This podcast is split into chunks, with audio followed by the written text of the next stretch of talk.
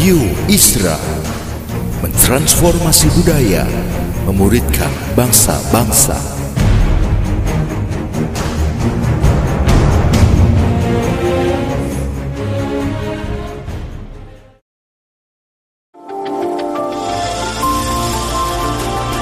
Voice of Pradaim menyuarakan paradigma kebenaran firman Tuhan yang esensi untuk memperlengkapi Anda menggenapi misi dan panggilan ilahi. Selamat mendengarkan.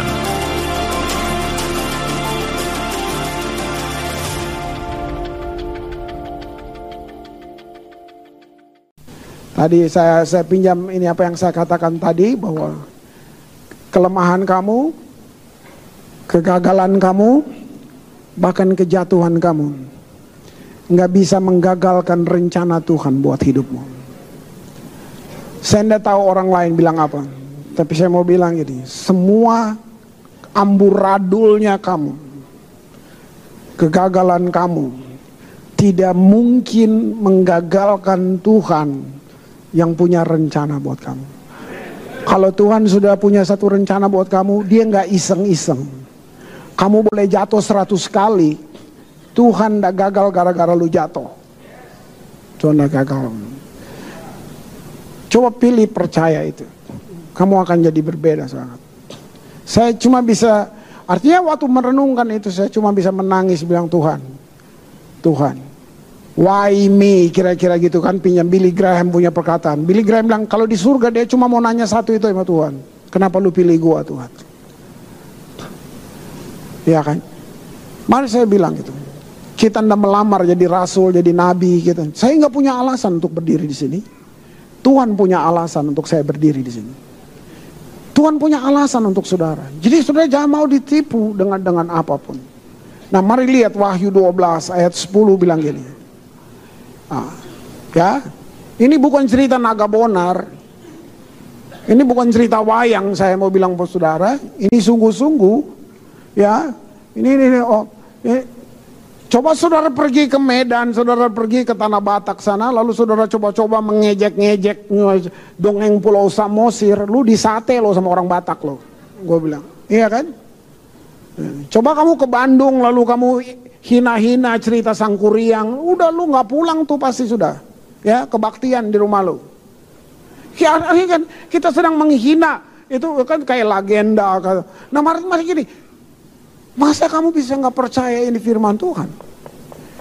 Kalau orang bisa mengkeramatkan cerita di, di, di Sangkuriang marah tentang perahu terbalik jadi gunung tangkuban perahu. Gimana? Masa saya nggak percaya Lord Colsum terbelah dua? Masa saya lebih percaya cerita Sangkuriang sih? Iya kan? Nah coba coba saudara pikir baik-baik. Kita sedang baca firman Tuhan, kita sedang baca textbook apa pun di luar. Yang enggak enggak, firman enggak diambil dipungut di jalanan saudara. Nah, ini ditulis di mana Yohanes sudah sangat tua. Saudara Yohanes menyeberang ke Pulau Patmos itu pada usia 90 tahun. Yohanes adalah salah satu murid dari dari teman-temannya yang semuanya mati sahid, termasuk Yohanes sudah disiapkan eksekusinya. Literatur misi mengatakan bahwa minyak zaitun panas disiapkan dan Yohanes dibuang ke dalamnya, kemudian dia raib. Nah, cuman Tuhan yang bisa buat itu. Dan orang Romawi frustrasi melihat dia nggak jadi mati dan mereka buang dia ke Pulau Patmos. Pada waktu itu usianya 90 tahun, ada opa-opa nyebrang. Bukan ke Bali saudara, bukan ke Karibia. Dia pergi ke Patmos. Para teolog bilang pulau iblis, tandus. Jadi dibuang dia di situ. Di pulau yang tandus, nggak ada teman, nggak ada semuanya Tuhan datang buat dia. Tuhan yang dia kenal. Jadi jadi sebenarnya ceritanya Yohanes begini loh. Waktu Yesus disalib, saudara pasti masih ingat cerita ini. Yesus disalib, Yesus ngomong dari kayu salib, Yohanes itu ibumu. Dia lihat kepada Maria. Terus Tuhan bilang buat ibunya, ibu itu Yohanes anakmu. Nah jadi gini, begitu gereja dibangun, Yesus mati semua, semua orang sibuk build church dan melayani semua, Yohanes urus Maria sampai mati. Itu pesan yang dia pegang. Dan selesai semuanya pada usia 90 tahun, Yohanes ke Patmos satu-satunya. Dan lahir kitab ini. Dan ini yang dia lihat. Dan dia lihat Yesus yang lain. Bahkan dia nggak sanggup taruh kepalanya seperti waktu Yesus masih sama-sama dia. Ini kan murid Rasul kasih kan. Murid yang dikasih. Dia taruh kepalanya di dadanya Yesus. Kali ini dia nggak bisa lewat itu. Karena dia lihat Yesus yang beda. Nah dia bilang ini, aku dengar suara nyaring dari sorga berkata, sekarang telah tiba keselamatan dan kuasa pemerintahan Allah kita dan kekuasaan dia yang diurapinya. Karena telah dilemparkannya ke bawah pendakwa saudara-saudara kita yang mendakwa mereka siang dan malam di hadapan kita. Oke, sampai situ dulu. Oke, lihat ada kata pemerintahan, ada kata pendakwa. Nah, saudara mesti tahu iblis berkerajaan. Iblis berpemerintahan, iblis punya hierarki, penghulu, penguasa, penghulu, semua saudara bisa lihat. Dia punya teritorial semuanya. Nah, kerajaan dilawan oleh kerajaan. Sampai itu saya nggak percaya individu, nggak ada tuh pelayanan yang begitu. Saya percaya tubuh Kristus, ya gitu. Jadi saudara mesti lihat ini yang paling penting. Tuhan membangun kerajaan untuk hantam kerajaan. Ini ini paling paling penting. Iblis bukan levelnya Tuhan, dia ciptaan kok. Dan dan dan yang jangan salah, Tuhan udah ciptain iblis. Emang Tuhan kurang kerjaan bikin-bikin iblis? Tuhan ciptakan malaikat. Malaikat berontak, dilempar, dibuang. Malaikat jadi iblis. Saudara tangkap ini, bukan dari awal Tuhan ciptain iblis, itu Tuhan yang nggak ada kerjaan yang begitu. Enggak, enggak, enggak, enggak. Jadi pikir baik-baik. Istrinya Lot nggak diciptakan jadi tiang garam. Istrinya Lot menjadi tiang garam. Ngerti? Waktu dibilang ini kamu jangan menoleh ke belakang maka kamu akan jadi tiang garam. Nah dia waktu dia noleh dia jadi tiang garam. Bukan berarti dia lahir jadi tiang garam. Nah, dia tetap jadi istrinya Lot. Dia menjadi tiang garam karena hal itu. Nah makanya saya mau bilang ke saudara, nggak ada yang terpaksa masuk surga. Semua kepilihan, saudara juga nggak terpaksa ke neraka. Kamu pasti ada di sana karena pilihanmu. Walaupun kamu nggak suka neraka, neraka udah datang di rumahmu. Gitu. Saudara bisa lihat nggak tuh semua tuh karena pilihan kita. Jadi jangan jangan jangan bilang Tuhan jahat, Tuhan ini ini ini ini ini yang harus kita luruskan. Saudara ini iblis nggak ada di night club sih, itu teman dia semua. Ngapain dia di situ? Dia ada di saat saudara mau ke gereja, dia ada di sini. Dia ada di saat saudara mau hidup benar, dia semua. Nah, saudara lihat ada kata ini, pendakwa saudara-saudara kita. Siang dan malam. Di mana dia dakwa? Hadapan Allah. Berarti ayat ini sedang bilang begini. Iblis punya jalur langsung ketemu Allah. Lu punya jalur langsung nggak kalah lu sama iblis iblis ketemu Allah setiap saat bayangin dia punya jalur langsung ketemu dengan Tuhan Bedanya kamu datang ke Tuhan untuk menyembah, dia datang ke Tuhan untuk mendakwa. Lihat, dia dakwa kamu berapa lama? Siang dan malam. Wow. Men, dia dakwa kamu tidak terus terus main. Dia punya catatan dari lu lahir sampai sekarang dia punya. Justru yang Yesus nggak punya, iblis punya. Karena dia tempat sampah. Dia ingat tuh tahun berapa lu berzina, tahun berapa lu dia, dia pun semua yang udah dihapus oleh darah Yesus sama iblis disimpan-simpan dia, dia penuh banget sama catatan iblis tuh penuh banget saudara bisa lihat dia dakwa terus dia dakwa terus dia dakwa terus poinnya kalau dia dakwa kamu di depan Allah kamu nggak tahu tapi dia bukan hanya dakwa kamu di dalam dia dakwa kamu di dalam batin kamu sampai kamu benar-benar merasa tidak layak ini ini poinnya. Ini dia. Dia dakwa sampai kamu lemah, sampai kamu nggak punya daya. Mana mungkin lu berkenan? Oh, tua, udah deh jangan nyembah deh. Ingat nggak kemarin lu ngapain? Waduh, saudara. Udahlah mulut lu najis. Waduh, saudara main kalau dia dua. Itu itu itu seperti tumbak mata tumbak yang masuk habis-habisan. Habis-habisan. Habis-habisan. Dan kamu tinggal bilang, iya, iya, iya. Mari saya bilang, iblis pengen masuk ke dunia yang gak kelihatan. Dia mau kacauin itu. Tapi dia nggak bisa. Dia cuma punya dunia yang realitas. Jadi dunia yang realitas adalah tempat ketidakpercayaan. Di situ nggak mungkin. Itu Tuhan punya. Dia cuma punya dunia ini. Dia dari sini pengen bawa penyakit ke sana. Nggak mungkin. Nggak mungkin. Nggak bisa. Lalu dia menguasai dunia yang realitas. Di dunia inilah tempat di mana dia buat saudara setuju dengan dia. Ini di dunia ini. Pak saudara, jadi dakwaan dia di sana kamu nggak lihat, kamu nggak dengar. Tapi dakwaannya balik ke, ke, batin kamu di dakwaan. Lihat, lihat tuh. Kamu kemarin kan waktu nyanyi tanpa doa kan, uh, saudara segala hal. Kamu lihat kan, kamu puasa, orang lain puasa, lu makan sembunyi-sembunyi kan. Dia pinter banget, saudara. Wow. Mari, mari, mari, mari.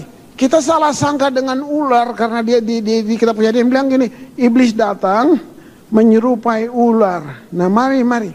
Kalau dia datang dalam bentuk lain, maka Adam dan Hawa akan lihat loh, siapa lagi nih? Ngerti? Dia perlu datang dalam bentuk apa yang sudah akrab dengan mereka berdua di Taman Eden. Mereka berdua akrab dengan semua binatang. Cuman ular bukan jahat pada mulanya. Pada mulanya di Taman Eden yang dikatakan Alkitab, dia binatang yang cerdik. Nah, iblis memilih binatang yang cerdik untuk masuk dan berdialog dengan ini manusia belum pernah berdosa loh, saudara bayangin, belum pernah berdosa sama sekali. Nah, mari lihat Mari, mari, saya cukup cari buku ular-ular untuk saya baca aja cuma kepengen tahu nih ular kenapa sih sampai iblis ini. Nah mari lihat, mari lihat, salah satu yang saya tangkap begini bahwa ular nggak punya kelopak mata. Ular nggak berkedip. Artinya gini, iblis mau kok nunggu kamu 40 tahun, mau. Dia nunggu kamu 40 tahun, buat hanya supaya kamu jatuh. Dia mau. Dia mau nunggu kamu. Dan iblis kalau perlu dia nggak mengeluarkan suara karena dia cerdik sekali. Kalau perlu dia nggak ngeluarin suara. Perhatiin orang yang kejebak ular di hutan, eh ular udah di atas ular tuh, iya kan? Dia nggak tahu dari mana datangnya kan, gitu saudara bisa lihat. Nah, mari lihat trik-trik ini yang iblis buat dalam hidupmu. Pendakwa ini jahat habis, jahat habis. Nah, belum selesai kan? Lihat ayat 11.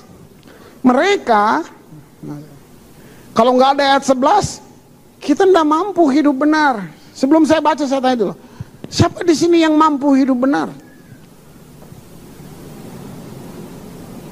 Gila, nggak bakalan, nggak bakalan. Saya baru turun berdoa, lima menit kemudian dunia gelap. Rasanya kita mau marah siapa aja, ya kan? Kita bisa bilang gini, gue udah salah kawin nih kali. Bisa lah, bisa. Mau kudus kayak apa, saudara? Mari, mari, jangan munafik di sini. Mari saya bilang, itu tanda bahwa kamu nggak bisa, kamu nggak bisa benar. Nggak ada yang nggak ada yang suruh kita benar. Tahu nggak? Kenapa kenapa Kristus perlu perlu perlu ambil semuanya ini? Dia perlu ambil karena kamu nggak ada yang mampu satupun. Kamu nggak mampu satupun. Ya, baca dulu ayat 11. Mereka mengalahkan dia. Nah, dakwaan ini kan oleh apa? Darah anak domba dan perkataan kesaksian mereka. Karena mereka tidak mengasihi nyawa mereka sampai ke dalam maut. Itu ayat 11. Oke? Okay? Nah, lihat kemenangan terhadap seluruh dakwaan ini ini dibilang peperangan rohani tergantung pada benda yang paling ajaib di seluruh benda di planet bumi ini namanya the blood of Jesus. Apa pun, saudara jangan coba ganti dengan seluruh kemenangannya tergantung pada darah anak domba Allah. Kalau saudara berbuat dosa, saudara tidak memuliakan Allah. Tapi waktu saudara tidak percaya darah anak domba Allah yang bisa menghapus dosamu, kamu lebih tidak memuliakan Allah lagi. That's the point. Jadi masalahnya bukan apa saya nggak mungkin benar kamu nggak bisa benar. Sebab itu Tuhan kasih darahnya supaya kamu benar. Itu dia. Itu yang paling penting. Melakukan dosa itu memalukan Tuhan. Tapi waktu saudara anda percaya bahwa darahnya bisa menghapus dosamu, maka itu lebih memalukan lagi. Ini saudara tuh tipuannya. Mau seribu kali lu jatuh, seribu kali lu minta darah Yesus. Supaya kamu, makanya judul saya, saya ini, berdiri di posisimu. Berdiri di posisi. Posisi apa? Posisi darah Yesus Kristus. Posisi karya Kristus untuk kamu. Ini paling penting. Kadang-kadang masalahnya bukan soal kita berdosa apa enggak berdosa. Tapi kita tidak punya kebenaran yang positif untuk kita bisa datang kepada Allah.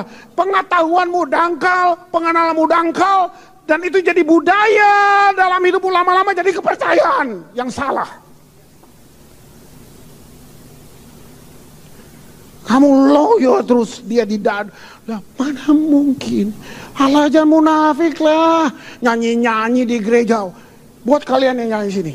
Saya tahu peperangan itu dalam hitungan detik buat lo orang semuanya di sini. Semua, alah, apalagi habis marah-marah. Mana layak lu naik ke atas? Saudara, kamu mesti bilang gini, darah, begitu kamu minta darah Yesus, selesai hari itu. Vut. Tapi gini, mana mungkin? Emang ngucap doang udah selesai. Saudara lihat, semua itu cuma ada di pikiranmu, kenyataannya lain. Wow, saya, saya kalau nggak mungkin berkali-kali sih ngapain gua khotbah munafik. Istri saya suka bilang gini, pernah bukan suka tuh. Lu di mimbar kayak malaikat lu.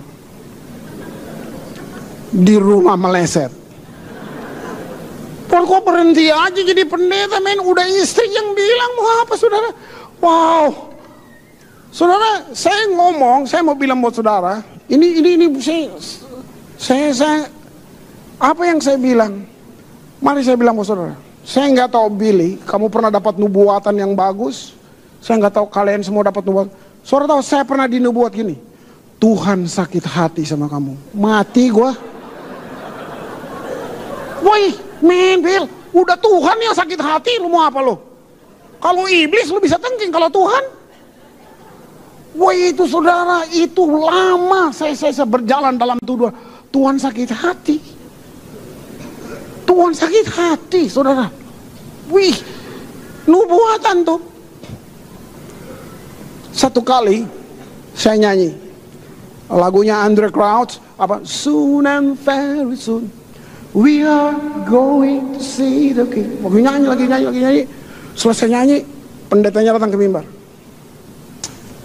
Orang-orang tuh, haleluya. Pendeta naik ke mimbar. Yang nyanyi tadi setan. Saya ngalamin itu. Saya ngalamin itu. Saudara lihat itu? Bukan cuma perasaan dalam hati. Saya pernah ngalamin seperti itu. Wow. Wow, wow, wow. Mari, mari, mari saudara. Di situ baru saya bilang Tuhan, Tuhan. Darah, sudah? Gitu. Perkataan pengakuan kita. Wow. Roma 5. Kitab Roma ini kitab tersulit kalau untuk untuk untuk dikaji secara teologis sangat sulit. Nah, mereka Roma 5 ayat 9 ya. Lihat ini. Dibilang ini, lebih-lebih karena kita sekarang telah dibenarkan oleh darahnya, kita pasti akan diselamatkan dari murka Allah. Saudara nggak ada darah Yesus, jangan coba-coba lo mau benar. Jangan mau, apa? Kamu mau membenarkan dengan cara apa? Coba, coba. Kamu benar dengan cara mau kudus bagaimana? Bagaimana kamu bangun kekudusan? Ngomong kudus, kudus, kudus, kudus, nyanyi kudus, kudus, apa-apa? Tinggal di kudus atau gimana? Saudara pikir, saudara Coba pikir, bagaimana caranya kamu jadi kudus? Kamu bisa jadi kudus? Wah saudara mari, apa itu darah? Imamat 17 gini, sebab dalam darah ada nyawa. Saya perlu terangkan perjanjian lama dulu gini. Waktu kamu berdosa dalam perjanjian lama, tidak ada cara lain kecuali kamu datang dengan binatang. Dan binatang itu sampai di depan imam, kamu menumpangkan tangan di atas kepala binatang, artinya perbuatan dosamu yang kemarin entah itu membunuh, berzina apa pun, ditransfer ke binatang ini. Kamu kamu tumpang tangan, tandanya, jadi prinsip penumpangan tangan sudah berlaku tuh. Saudara, dipindahin tuh dosamu, sementara itu dipindah, binatangnya dipotong. Ceh. Jadi kamu sendiri lihat itu darah jatuh. Uh, kalau lu normal, lu akan mikir, mestinya gua nih mati nih. Jadi gini, apa yang apa yang kamu belajar sini? Pada waktu itu Tuhan menyediakan penggantian mati. Tangkap ini. Tuhan menyediakan penggantian mati. Binatang dibunuh, tak dia nggak tahu. Dia cuma nerima yang buat dosa kamu, yang mati dia. Nerima dia dilahirkan, diciptakan untuk nerima. Bayangin, mati ya. Jadi penggantian mati. Bertahun-tahun selama sejarah Israel, cuma binatang tuh yang dipotong. Nanti setahun sekali hari raya Grafirat, imam besar bawa darah itu ke ruang maha kudus untuk pengampunan satu bangsa. Makanya perayaannya sampai berminggu-minggu karena itu hari pengampunan bangsa, dosa bangsa diam. Jadi saudara ritualnya hanya 40 menit, tapi rakyat itu 3 juta orang di depan kemah, papa, mama, anak semua. Aduh, nggak boleh orang masuk, cuman imam besar yang masuk, nggak boleh siapa pun. Imam besar masuk, itu mereka nunggu tuh. Dia masuk, bikin ritual di ruang kudus, sampai ke ruang kudus. Begitu dia keluar, saudara sampai di, di, di halaman depan, baru lihat mukanya Harun, tiga juta orang tuh sorak. Uh, gua diampunin. Itu so far ditiup itu perayaan yang dasar. Pesta, makan bunga-bunga, semua pesta. Merayakan saudara bayangin. Tapi lu tunggu setahun lagi. Baru pengampunan berikutnya lagi. Kalau belum sampai grafirat lu udah mati gimana tuh? Bayangin susah banget kan? Susah banget. Susah banget saudara lihat itu. Nah, tapi prinsip penggantian mati udah ada. Nah, Yesus datang, saudara. Yesus ganti tuh domba-domba binatang-binatang Yesus mati. Yesus mati, pam, darahnya buat kamu. Kamu perlu percaya kepada darah Kristus gini. Karena waktu kamu terima darah Yesus, waktu iblis dakwa kamu, pam, terus Yesus lihat kamu. Allah Bapa lihat kamu. Tinggal lihat kamu, dilihat darah anaknya. Dia bilang, dia berdosa. Begitu Tuhan noleh, dilihat darah anaknya. Bagaimana dia bisa lihat? Karena kamu minta darah itu. Itu pentingnya kamu percaya pada darah. Mereka mengalahkan dia oleh kuasa darah. Itu maksudnya. Kamu gak kudus, kamu gak bisa bikin apa, gak akan bisa dengan cara apa pun. Lu mau kurung diri di kamar, nggak nonton TV, nggak baca majalah, nggak ngomong jorok, nggak bikin apa, di kamar terus pakai baju putih, lu nggak tambah kudus, tambah kampungan lo.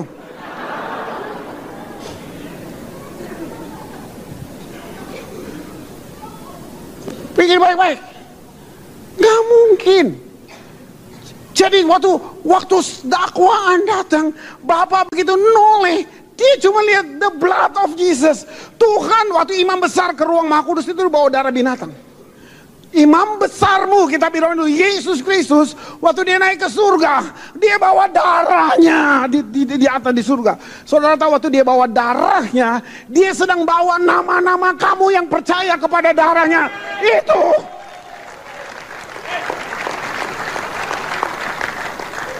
Jadi Yesus ke surga bawa nama kamu supaya kamu di bumi pakai nama Yesus. Ah, itu dia. Itu maksudnya. Itu maksudnya. Wow, saya, kalau nggak susah banget, saudara, susah banget. Dari dulu iblis itu penipu.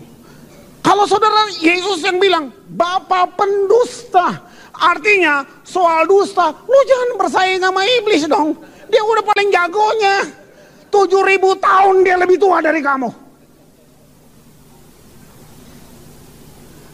Orang yang gak pernah berdosa jadi berdosa gara-gara lu siapa? Mau coba-coba benar dengan caramu sendiri. Saudara lihat itu. Lihat, lihat, lihat betapa dahsyat iman itu loh. Penting banget iman itu. Wow. Beriman kepada darah Yesus. Ibrani 10. Ya. Sebab jika hal itu mungkin, ayat 2, pasti orang tidak mempersembahkan korban lagi. Sebab mereka yang melakukan ibadah itu tidak sadar lagi akan dosa. Setelah disucikan sekali untuk selamanya. Kamu nggak lahir 2000 tahun yang lalu. Waktu Yesus mati. Tapi iman kamu mengambil di dunia yang nggak kelihatan seluruh janji yang ada di sana. Aksesnya iman. Iman kamu mengambil janji 2000 tahun yang lalu. Wih, saudara, kalau iman menyenangkan Allah, kenapa kamu nggak mau beriman? Gak ada yang lain. Lupakan perpuluhanmu, lupakan semuanya. Kalau kamu beriman, dahsyat. Ini yang paling dahsyat, saudaraku. Ini yang paling dahsyat. Wow. Jadi, darah Yesus menyebabkan hati nurani kamu tidak punya rasa berdosa. Silakan dia mau tuduh kayak apa kayak. Dia mau bilang apa lagi? Lima menit yang lalu kamu baru jatuh, tapi waktu itu kamu berlutut dan bilang ampuni aku. Selesai. Mari mari saya ngomong ini. Bagaimana Daud mengerti ini pada zaman belum ada Yesus. Yesus belum mati, men. Saya pernah, saya nangis karena gini, saya tahu bedanya banget saya dengan Daud, beda jauh habis. Beda jauh habis. Jauhnya gini, kalau saya buat salah, yang saya pikir ini, Tuhan hukum gua nih. Aduh Tuhan, Tuhan bakal hukum gua nih. Kenapa? Karena referensi saya keluar semua. Kamu tabur, kamu tuai. Wow, wow. Belum nanti kalau kalau konseling sama Mbak Tuhan, itulah. Makanya, aduh, sudah, sudah, sudah dibilang bertobat, sudah. Tapi itulah, kamu lihat, Tuhan pasti konsekuensi dari semuanya. Jadi saya hidup tertuduh terus. Waduh, kita saudara bisa lihat, saya, saya minta ampun supaya Tuhan jangan hukum gua Tuhan. Gua nggak mau dihukum, gitu loh. Saudara tahu Daud, sadis doanya, dos, dosanya Daud itu, membunuh dengan rencana, ambil istri orang, itu udah zina, udah apa aja, udah apa. Terus Nathan datang. Lu berdosa lo. Udah. Di bla bla bla bla dinubuat terima. Itu dikasih tahu penghukumannya. Maka Allah akan menghukum begini. Belang, keluargamu akan begini, begini, begini. Apa yang kamu buat secara tersembunyi akan dibuat secara terang-terangan. Udah terima pan? Kita bacanya aja serem. Saudara, kalau saudara baca, apa yang Daud bilang? Ini doa Daud. Bedanya Daud sama Krismanus sama Daud nggak bilang Tuhan jangan hukum saya.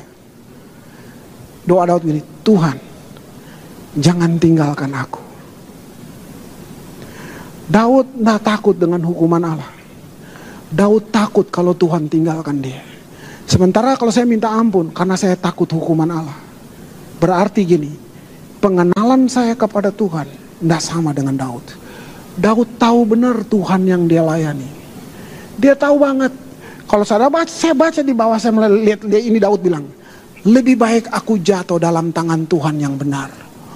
Saya bilang ini sudah, ini pantas Tuhan menoleh ke satu orang itu. Daud nggak peduli dengan hukuman-hukuman negala nubuatan apa buat dia. Daud nggak peduli. Yang Daud cuma minta tuh, jangan tinggalin aku. Tahu nggak bilang, Tuhan jangan hukum Tuhan, keberatan tuh hukumannya. Nggak, dia nggak tawar dikit pun hukumannya. Yang dia cuma takut, Tuhan jangan tinggalkan aku. Artinya di perjanjian lama, di mana orang semua hidup dengan hukum Taurat, Daud berbeda. Daud lebih dalam, kenal keren banget Daud ini. Dari mana dia dapat? Dia sekolah di mana sih Daud nih? Kok begitu bagus banget mengenal Tuhannya? Dia tahu kasih gini, dia tahu Tuhan bukan Tuhan yang jahat. Dia tahu Tuhan bukan Tuhan yang buruk, bukan semuanya itu yang dikenal oleh Daud. Lihat ini. Yang kedua, cuma dua benda aja. Darah, yang kedua ini. Mereka mengalahkan dia oleh perkataan kesaksian. Wow. Apa sih perkataan kesaksian? Ya, mari saudaraku. Perkataan kesaksian apa? Karena saudara punya darah, saudara pertama udah menyelesaikan, lalu kesaksian. Kesaksian itu apa saudara? Kesaksian artinya tentang fakta-fakta rohani. Menyaksikan karya Kristus. Jadi setelah saudara minta ampun dari dengan darah Yesus, dari Yesus bungkus saudara, saudara memperkataan, perkataan kesaksian artinya mengumumkan fakta rohani apa yang Yesus sudah buat untuk kamu, karya dia untuk kamu, itu yang kamu perlu katakan, itu. Dan mari yang paling dahsyat perkataan kesaksian itu, cuma lewat pujian dan penyembahan. Karena itu fakta rohani. Saudara lihat itu. Sudah pernah Bapak menemukan atau renungkan apa lagu kebangsaan Israel? Lagu kebangsaan. Saudara baca mulai kitab keluaran, saudara akan temu itu diulang-ulang. Itu semacam Indonesia Raya kalau kita. Kalau Israel ini lagu kebangsaannya. Sebab Tuhan baik. Bahwasanya untuk selamanya. Saudara jatuh, berdosa, wow, prek, diampuni. Oh Tuhan baik ya. Bab Tuhan baik. Kacau lagi, berusaha lagi, nyembah berhala lagi. Wow. Wow, saya bilang. Perkataan kesaksian. Menyaksikan tentang karya Kristus 2000 tahun yang lalu. Terhadap hidupmu. Ini yang paling penting. Dua senjata ini. Wow, kesaksian bahwa saya yang model kayak gini bisa diampuni. Orang, oh Tuhan baik ya. Itu, itu yang ke iblis gemetar. Itu iblis mau bilang, iblis berusaha supaya semua masuk dalam pikiran manusia bahwa kamu nggak boleh salah dikit sama Tuhan. Aduh, lu abis lu. Ah itu. Saudara ngerti? Lu nggak boleh cacat lu sama Tuhan. Saudara tuh Debbie sampai akhirnya nggak dong. Mana bisa orang nggak orang nggak cacat? Semua pasti bisa salah lah. Lalu bilang, udahlah, nggak mungkin. Saudara lihat itu, wow. Makanya doamu nggak nembus-nembus. Doa semua. Ini di poinnya cuma di sini. Poinnya cuma di sini, saudaraku. Menyaksikan Yes, wow. Iblis takut waktu kita umumkan fakta ini, saudara. Iblis takut. Dia bukan takut dengan khotbahmu yang bagus. Teologiamu yang dahsyat itu. Dia takut dengan kesaksianmu. Bahwa yang model gini diampuni. Itu dia. Itu dia. Wow. Dan kadang-kadang perkataan kesaksian lebih efektif dari doa. Saya ulangi, tadi-tadi kebaktian pertama saya udah bilang, Martin Luther mengatakan orang yang menyembah dua kali berdoa. Saudara saya, saya nggak bosan bilang ini, sebab saya bikin ini 8 tahun di Ambon. Menyembah, itu kita menggabungkan iman dan pengharapan. Nggak main-main saudara. Itu powerful. Itu powerful banget. Iblis takut banget. Wow. Lihat ini, Markus 11 ayat 23. Tuhan bilang gini, barang siapa berkata kepada gunung ini beranjaklah dan tercampaklah ke dalam laut, asal tidak bimbang hatinya, tapi percaya bahwa apa yang dikatakan itu akan terjadi, maka hal itu akan terjadi. Saya sampai berulang-ulang baca ini, karena Yesus nggak bilang ini, apa yang didoakan orang, apa yang didoakan orang akan terjadi. Tapi bilang, apa yang dikatakan.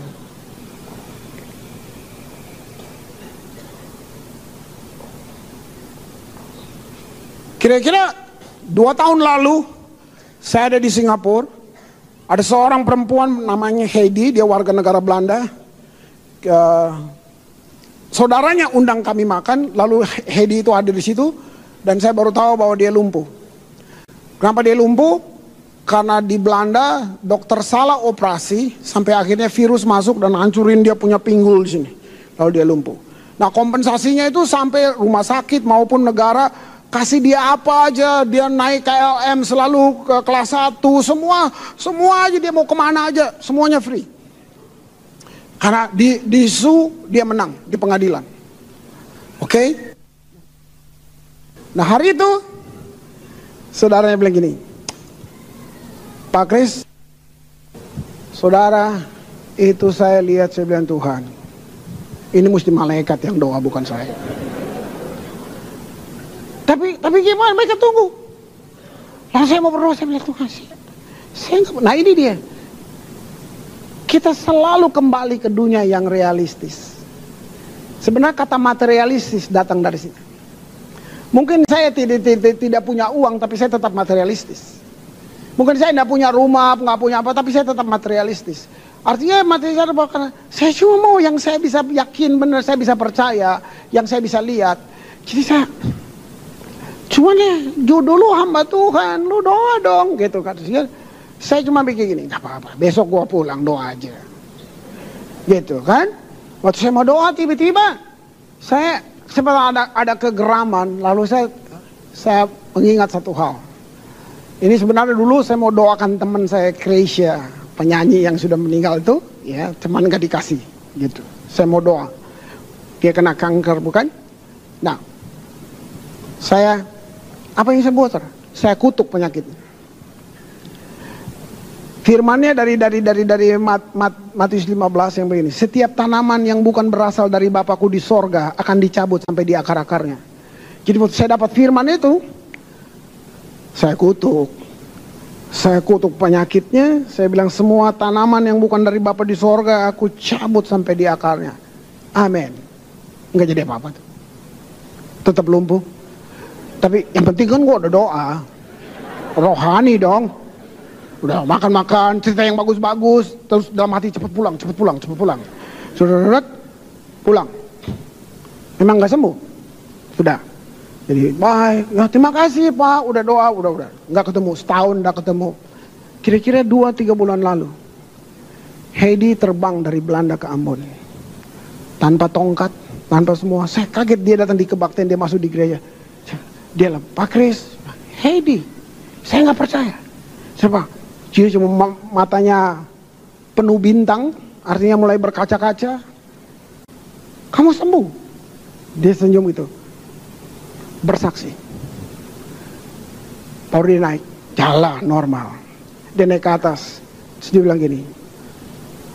Pada waktu itu, Pak Kris mengutuk penyakit saya. Lalu prosesnya baru jalan. Setelah dia pulang ke Belanda, sesuatu terjadi dalam hidupnya dan kesembuhan datang buat dia. Baru saya ngerti, kenapa nggak waktu itu juga sembuh? Karena kalau gue bilang waktu itu sembuh, lu yang disembah Kris, bukan Yesus. Saya bilang, Tuhan, terima kasih banget. Tangkap satu hal ini, mustahil bagi Tuhan untuk berbohong. Tangkap ini, mustahil bagi Tuhan untuk berbohong. Kalau anak kamu meragukan kamu sebagai papa mama, kamu sangat kecewa.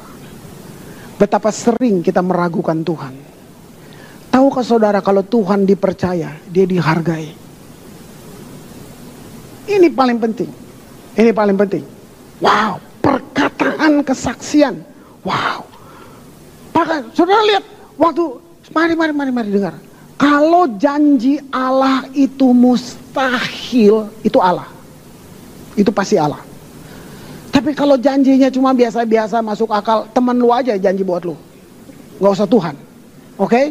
Oke, okay, kalau kalau mau kau, kau pakai pakai satuan jumlah, kalau cuma masih 10 miliar manusia bisa buat itu buat kamu. Perusahaan bisa buat itu buat kamu. Tapi kalau udah nggak masuk akal, kamu pilih percaya. Tuhan tidak pilih mengerti. Nggak bisa. Orang lumpuh di Bethesda itu Tuhan bilang gini. Mau sembuh, Kira-kira, kira-kira kalau gue jadi Tuhan, lu nanya lagi lu 38 tahun nih Tuhan. Ah, ya kan?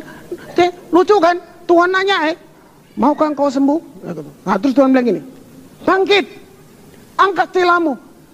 Ngerti nggak? Kalau kalau kira-kira kalau dia bisa ngomong, Tuhan, kalau bisa 38 tahun lalu gue udah bangkit. Ngerti nggak saudara? Ngerti Ini, ini peperangan kan dalam pikiran. Sebenarnya Tuhan tidak suruh dia ngerti, Tuhan tahu dia nggak bisa bangkit. Dalam perkataan itu terkandung ajakan gini, kamu mau setuju nggak dengan saya? Gitu poinnya. Kamu mau setuju nggak dengan saya? Kamu mau sepakat nggak? Begitu lu sepakat, lu nggak bisa, tapi lu jadi bisa. Ini maksudnya, Tuhan bangkit. Ya jelas nggak bisa lah Tuhan, gitu kan. Tapi bukan itu, bukan kemampuan kamu yang dipertanyakan. Kamu mau sepakat nggak? Siapa yang ngomong itu penting. Perhatikan apa yang kamu dengar.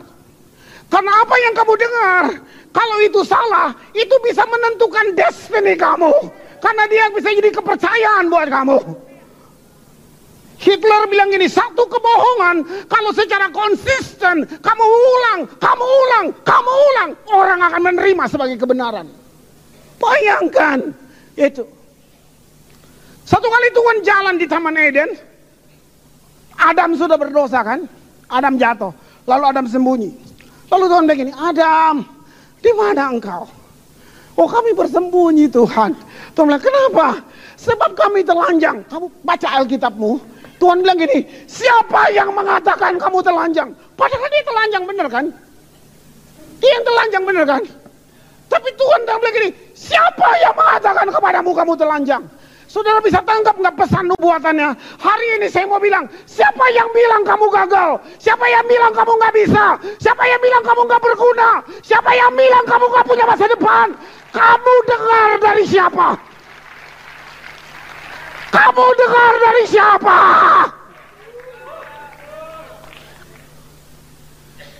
Wow, tipuan banget. Kamu dengar dari siapa? Makanya perhatikan apa yang kamu dengar. Waktu saya bilang, Tuhan, memang telanjang. Tapi itu yang Tuhan mau bilang. Siapa yang bilang? Sebab itu saudara Petrus, aku nggak, tapi karena kamu yang bilang. Nah itu Petrus. Karena kamu yang bilang, saudaraku. Wow, itu luar biasa, saudaraku. Itu luar biasa. Luar biasa. Mari saya saya saya saya, saya ajak saudara lihat ini sungguh-sungguh. Ya, luar biasa. Luar biasa. Apa artinya Farisi? Farisi artinya dipisahkan. Jangan jadi Farisi. Orang Farisi mengubah ibadah-ibadah. Gak bisa. Kata karis, karis itu bahasa Yunani. Artinya kebaikan Tuhan yang gak layak kamu peroleh. Saya mau bilang buat saudara, yang Tuhan sayang kamu karena status kamu, bukan karena pelayananmu, bukan karena apa yang mau. No, no, no, no, no. no. Wah, itu saudara Tuhan ngomong gini dalam kitab Roma, Kristus sudah mati selagi kamu dalam dosa. Selagi kamu nggak butuh Tuhan, selagi kamu jauh, selagi kamu nggak suka Tuhan, Dia sudah mati buat kamu. Bahkan Dia nggak minta izin kamu. Jadi hari ini, kalau kamu mau hidup dengan seluruh janjinya, cuma perlu iman. Saya udah lihat encim-encim yang injak Alkitab. Begini loh, bukanya pakai kaki. Sampai saya lihat buku, saya bilang, kamu keterlaluan ya. Saya bilang gitu. Gua dosa tapi gua nggak kayak kalau kalau doa gini sama Tuhan, Tuhan, lu ya, doain Tuhan diluluin anaknya mau mati, anaknya dicekek pakai kabel sama suaminya sampai terkapar di rumah sakit. Terus uh, suster di rumah sakit nginjilin, makanya bu percaya sama Tuhan, dia ngamuk. Udah doa Tuhan, kalau lu sembuhin anak gue, gue sembah lo. Maksudnya gini, yang saya tahu gini, Tuhan udah tersinggung, Tuhan udah tersinggung. Kamu mau doa kayak lu bilang lu, bilang Tuhan udah tersinggung. Tuhan ada tersinggung. Tuhan lihat ya. Tuhan tahu kamu nggak ngerti. Karena saya bilang Tuhan, ampuni saya betapa dalam hidup saya. Saya begitu jas orang. Saya adili orang. Pendeta emang lebih galak dari Tuhan kadang-kadang. Saya kadang Tuhan kenapa? Kenapa? Kenapa nggak ada kasih karunia? Kenapa kita nggak? Kenapa kita nggak kayak Yesus lihat manusia? Wow, begitu berharga manusia buat Tuhan. Berharga banget, berharga banget. Nah, saya mau bilang buat saudara, perkataan kesaksian itulah penyembahan, pujian. Kita mengaku perkataan itu. Kita mengaku perkataan itu. Saya mau tutup dengan kesaksian ini. Satu kali di kisah Rasul, Tuhan ngomong gini, Aku akan kembali dan membangun kembali pondok Daud yang telah roboh. Terus saya bahkan sudah berapa belas tahun saya khotbah tabernakel Daud. Tapi kali itu, itu fresh banget. Aku akan bangun kembali pondok Daud yang terlebok. Kan keluar dong referensi saya tentang apa sih pondok Daud. Kenapa sih itu? Lalu saya bilang gini. Hah? Pertanyaannya muncul gini. Kok Tuhan bangun pondok Daud? Emang Tuhan udah punya ide lagi? Emang surga udah gak ada lagi ide lain? Sampai dia perlu bangun yang sudah roboh? Men, baru saya coba mulai mulai mulai mulai cari. Ternyata nilainya nggak main-main, saudara. Apa sih yang Daud bangun di pondok itu? Saudara, wih, apa sih yang Daud bangun? Nah ini, waktu tabernakel Daud dibangun, tabernakel Musa masih berjalan, saudara. Ini ini nggak bercanda, saudara. Bikin tabernakel nggak boleh ada ide manusia, mati. Tuhan bilang buat buat Musa gini, warnanya harus merah kirmisi. Terus Musa nggak bilang, Tuhan sekarang lagi tren biru. Oh mati lu, nggak ada cerita, nggak ada, nggak ada. Buat ukurannya segini, nggak keren Tuhan, mestinya belok begini dong, nggak bisa, nggak bisa, nggak bisa. Musa tuh cuma nurut, terperinci semua tebal tipis, ukiran-ukiran semuanya dia suruh Tuhan. Tapi tiba-tiba Daud buat tabernakel yang Tuhan dah suruh. Saudara lihat ini, ini, ini, ini. Tuhan tidak suruh, tidak suruh. Lalu saudara lihat seluruh peraturan imamat dilanggar semuanya. Dia cuma bikin tenda, tenda pramuka gitu saudara. Beda banget sama kayak, kayak tabernakel Musa. Tenda, bab. Yang ditaruh cuma tabut perjanjian. Baru Daud bilang begini buat buat semuanya. Rakyatnya. Sini. Nari lo di sini. Ini. This is God. Ari.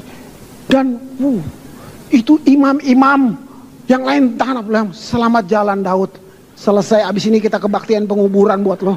Saudara bisa bayangin, saudara itu Daud menari di depan, Daud pimpin rakyatnya, mereka menyembah. Saya menghitung 33 tahun Daud buat itu. 24 jam memuji, 44 ribu penyanyi di dilantik bergiliran. 24 jam nyanyi 33 tahun. Apa yang terjadi dalam 33 tahun? Israel naik secara ekonomi, secara politis, secara militer, tinggi di dunia. Gak ada yang tandingin. Daud buat itu. Terus dia hilang. Lalu Tuhan di surga gini. Dulu pernah ada satu yang paling dahsyat dilakukan satu bangsa di dunia. Itu dia. Lalu kisah Rasul bilang ini. Nanti kalau aku kembali. Itu yang gue mau bangun lagi. Oke, pelan-pelan pelan. Apa sih penyembahan? Keintiman. Wow. Daud buat itu. Huh. Saudara dengar, Daud tidak menari waktu Goliat mati. Daud tidak menari waktu Goliat rubuh. Daud tidak menari waktu dia dilantik jadi raja.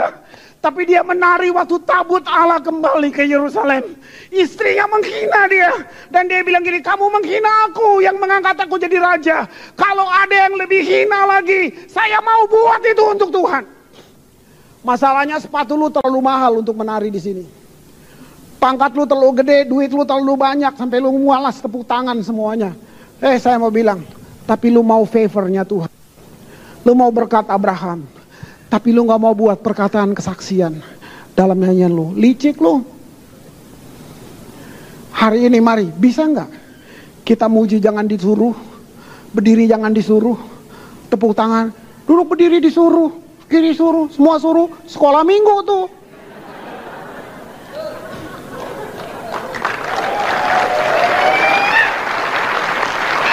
Oh nggak saudara kita?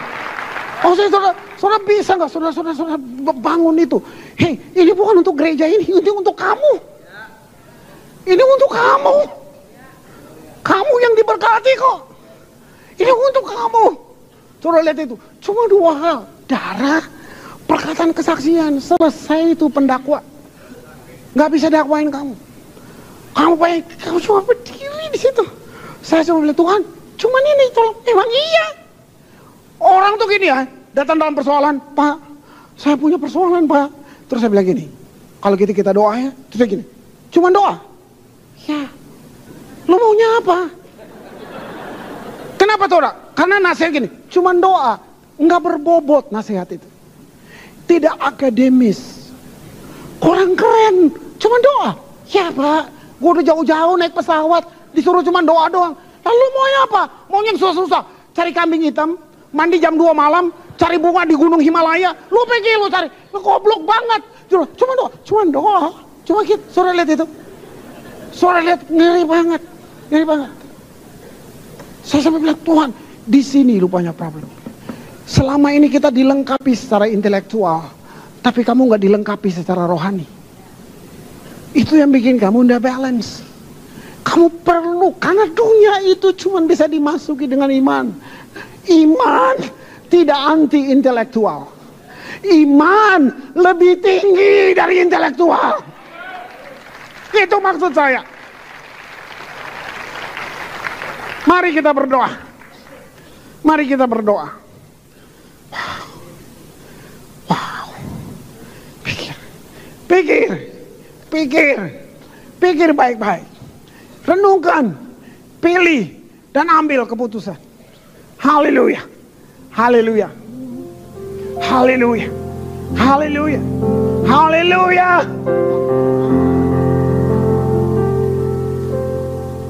Only believe.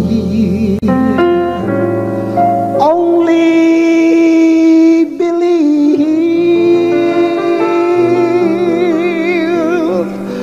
All things are possible.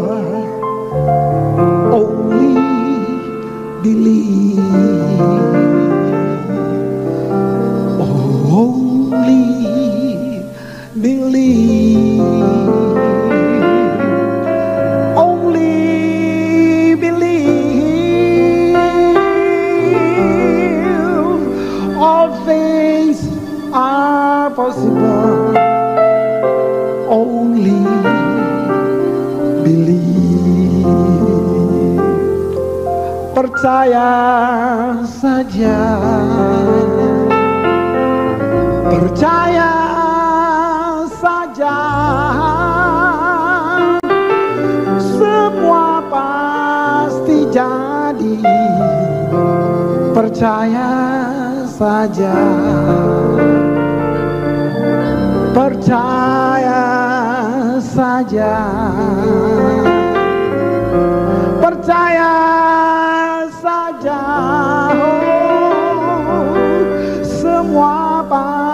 jadi Percaya saja. Darah Kristus menjadi hak setiap saudara. Darah Kristus membungkus kamu. Darah Kristus memagari kamu. Tidak ada lagi dakwaan yang datang. Jangan, jangan hukum dirimu sendiri. Tapi lebih baik minta anugerah dan kasih karunia yang datang Kamu sendiri sudah tahu bahwa kamu salah. Jangan kamu hukum lagi Tapi kamu perlu ambil darah Yesus. Kalau kamu tidak, kamu sedang tertipu. Intelekmu sedang menipu kamu. Moral kamu yang tambal sulam. Falsafat-falsafat kamu Falsafat hidup, pandangan hidup kamu sedang menipu kamu. Fakta rohani artinya Tuhan sudah mati 2000 tahun yang lalu Untuk menghapus semua kelemahanmu. Dan itu hak untuk kamu pakai Nah pakai itu, perkatakan itu, pakai itu Bertindak dengan iman Kamu bisa kudus Terima kasih Terima kasih Terima kasih. Angkat tangan saudara. Lihat saya sebentar. Tetap angkat tangan. Ini yang saya mau bilang. Eh, Dengar ini. Mari mari saya bilang. Lebih lebih kuat dari janji manusia. Mari saya bilang. Kita berperang dengan Malaysia. Tentang ini hak saya. Batiklah, lagulah, kita perang men. Wow, Wuh, argumen. Akhirnya UNESCO mengumumkan tanggal 2 kemarin batik kembali menjadi milik orang Indonesia. Oh kita semua pakai batik. Tapi saudara, saya dibawa lain sama Tuhan. Mari saya bilang, itu kan manusia bisa buat kan? Yang menjadi hak Indonesia kembali lagi, manusia. Apalagi Tuhan. Mari saya bilang, batik nggak bawa lu ke surga. Itu aja diperjuangkan. Mari, sambil kamu angkat tangan. Ini yang saya mau bilang, ini nubuatan buat saudara. Semua yang menjadi hak kamu, yang sudah dicuri oleh iblis, yang didakwa terus siang dan malam di iblis, akan kembali dalam bulan ini. Kamu. Ini bukan batik, ini bukan lagu rasa sayang, ini janji yang paling dahsyat dari Tuhan yang menjadi hak kamu. Akan kembali buat kamu. Akan kembali buat kamu. Akan kembali. Dengar iblis. Engkau tidak bisa menipu lagi. Dengan darah anak domba Allah. Aku katakan kembalikan tujuh kali lipat. Buat semua yang kau sudah tipu di sini. Kembali. Kembali. Terima dengan iman. Terima dengan iman. Terima dengan iman. Terima dengan iman. Terima dengan iman. Semua molekul tunduk pada nama Yesus. Terima dengan iman. Terima dengan iman. Aku katakan kekayaan samudera raya berkat keturunan Abraham, Ishak dan Yakub berkat bangsa-bangsa